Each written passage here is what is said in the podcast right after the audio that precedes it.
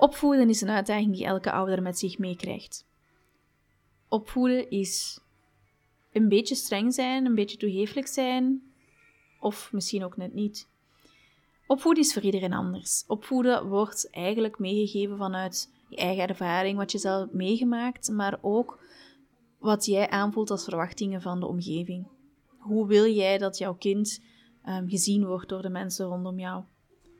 Is dat wel de juiste manier om om te gaan met je kind? Is dat de juiste manier om je kind op te voeden? Heeft dat positieve of negatieve gevolgen voor de toekomst?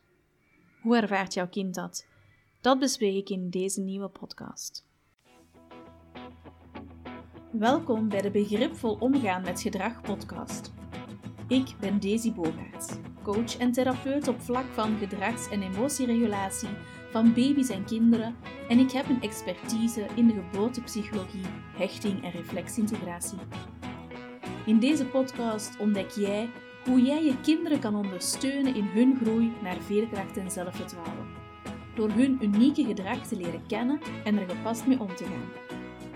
Ik geef je tips, tools, hoe jij die stevige basis kan meegeven aan je kind, zodat het alleen maar meer vertrouwen krijgt in zichzelf en de omgeving, en zodat het kan groeien en stevig in hun schoenen kan leren staan. Ik deel met jou alles wat met gedrag te maken heeft, zoals slapen, driefbuien, angsten enzovoort. Ik deel hoe ik mijn ouders ondersteun in hun gezin, maar ook hoe ik zelf omga met de uitdagingen van het ouderschap in mijn eigen gezin. Ik hoorde het over laatst tijdens een gesprek onder vrienden. Iemand die zei: Goh, ik heb het idee dat ouders tegenwoordig niet meer streng genoeg zijn, dat ze gewoon te toegeeflijk zijn. Kinderen die moeten hard en streng aangepakt worden, anders valt er niks mee aan te vangen. En dat raakte mij eigenlijk. Oké, ik ben zelf ook niet altijd zo streng, maar toegeeflijk ben ik zeker ook niet. Het is dan ook duidelijk dat er toch nog zo'n stereotyp beeld blijft hangen bij mensen over opvoeden. Ehm, heel vaak meegegeven door de eigen opvoeding natuurlijk. Hè?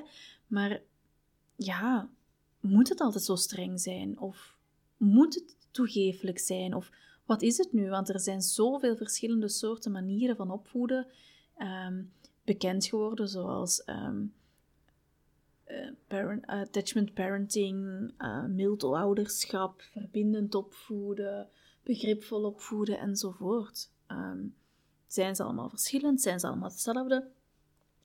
Het is een beetje zoeken soms.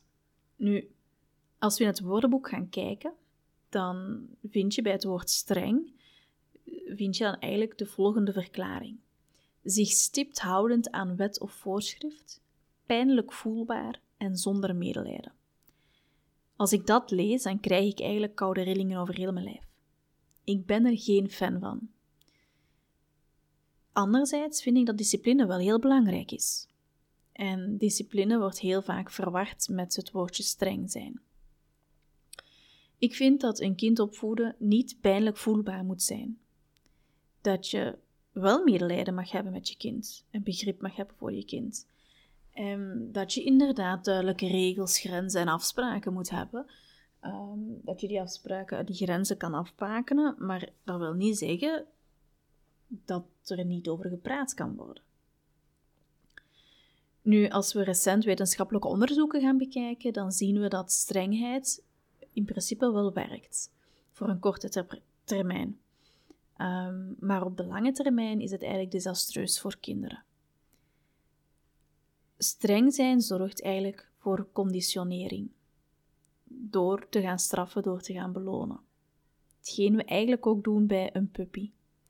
Je kind leert zich te gedragen uit angst voor de straf. Of hij doet dit tegen zijn zin om net die ene beloning te krijgen die hij graag wil. Maar dan heb ik toch persoonlijk liever een kind dat mij spontaan komt helpen omdat hij het zelf wil doen, um, dan een kind dat keurig gedrild is en eigenlijk zijn eigen assertiviteit, zijn eigen mening, zijn eigen kritisch denken opzij zet uit angst om een boze mama of papa te zien. Ik wil geen kind dat mij slaafs volgt. Ehm, ik wil een kind dat nadenkt over zijn daden, dat nadenkt over wat wil ik, hoe voel ik mij daarbij, wil ik dit wel doen? Want uiteindelijk is dat hetgeen wat we voor ons kind wensen als hij volwassen is. En dan vind ik het jammer dat we ons kind eigenlijk heel vaak als kind eigenlijk gaan afstompen, ehm, gaan tegenhouden om zichzelf te zijn. En op latere leeftijd verwachten we dan net dat hij assertief gaat zijn, voor zichzelf gaat durven opkomen enzovoort. Ik wil een kind dat eigenlijk op eigen kracht gaat proberen te leren hoe het leven werkt, hoe het eraan toe gaat. Dat dus effectief assertief in de wereld kan staan, um, in plaats van angst om toegesnauwd te worden, gestraft te worden, afgezonderd te worden. Als ze iets doen dat niet past in het kraampje van mama of papa. Oké, dan heb ik misschien inderdaad liever een eigenwijs kind dat soms wat lastiger doet, hè, om het zo te zeggen. Ehm, en dat dan door vallen en opstaan zijn eigen weg in het leven probeert te vinden, dan een keurig gedresseerd kind dat zich allesbehalve lekker voelt in zijn lijf. En dat is niet evident, want heel vaak willen we net een keurig gedresseerd kind, omdat we daardoor bevestiging krijgen dat we het goed doen als ouder, omdat we dan complimenten krijgen. Ehm, dat wordt in zekere zin beloond door de maatschappij als je een keurig gedresseerd kind hebt. Een kind dat te keurig gedresseerd is, beseft ook heel vaak niet waarom het iets doet. Um, behalve dan voor die ene beloning te krijgen of straf te vermijden. Het is eigenlijk ja, een beetje die persoonlijkheid gaan inbinden en het eigen denken gaan inbinden. Wil dat dan zeggen dat je kind alles kan kiezen, alles kan bepalen? Nee. Uh, we moeten niet echt alles toelaten, tuurlijk niet. Um, kinderen hebben nog altijd nood aan grenzen, weten wat ze kunnen, wat ze niet kunnen. Dat geeft hen veiligheid, dat geeft hen structuur. Maar grenzen stellen hoeft niet per se op een strenge manier te zijn. Um, kinderen komen eigenlijk de hele dag in aanraking met emoties, stemmingen, prikkels en ervaringen die ze niet begrijpen. En dus eigenlijk ook niet weten hoe ermee moeten omgaan. Zelfs volwassenen, zoals jij en ik, worden soms nog wel overmand door emoties en ervaringen waar we totaal geen blijf mee weten. Hoe moet het dan zijn voor zo'n jong kind dat nog niet eens al die emoties kent? En dan is het net belangrijk om er begripvol mee om te gaan, die emoties niet weg te wuiven of te negeren, Ehm, maar ook wel grenzen te stellen, zodat bepaalde emoties beperkt kunnen worden. Dat een kindje niet gaat slaan of gaat pijn doen, natuurlijk. Hè. Dus dat maakt dat elk kind die nood heeft aan discipline. En om dat duidelijk te kaderen wil ik nogmaals benadrukken dat discipline niet hetzelfde is als streng zijn, integendeel. Het gaat erom dat je enerzijds begripvol bent naar je kinderen toe, empathisch bent, begrijpt wat ze ervaren, wat ze voelen maar dat je hen ook leert hoe het wel moet, want dat is discipline. Een kind leren wat je verwacht, um, hoe het hoort, wat de regels en afspraken zijn. Je stelt dan duidelijke grenzen, waar je jezelf natuurlijk ook consequent aan moet houden, maar toch ook nog met een open houding naar je kind toe, zodat je kan luisteren en kan kijken waar die noden van je kind precies liggen. Dan ga je echt een sterke band gaan creëren vol vertrouwen bij je kind. En dat is het startpunt. Vertrouwen tussen jou en je kind, zodat je kind echt weet dat jij er bent als hij je nodig heeft en tegelijkertijd het vertrouwen krijgt om te groeien, te exploreren. En zelf zijn fouten te maken. Ervaringen op te doen. En natuurlijk ook te leren uit elke ervaring die hij tegenkomt. En dan geef je je kind echt wel een stevige basis mee die hij nodig heeft naar de toekomst.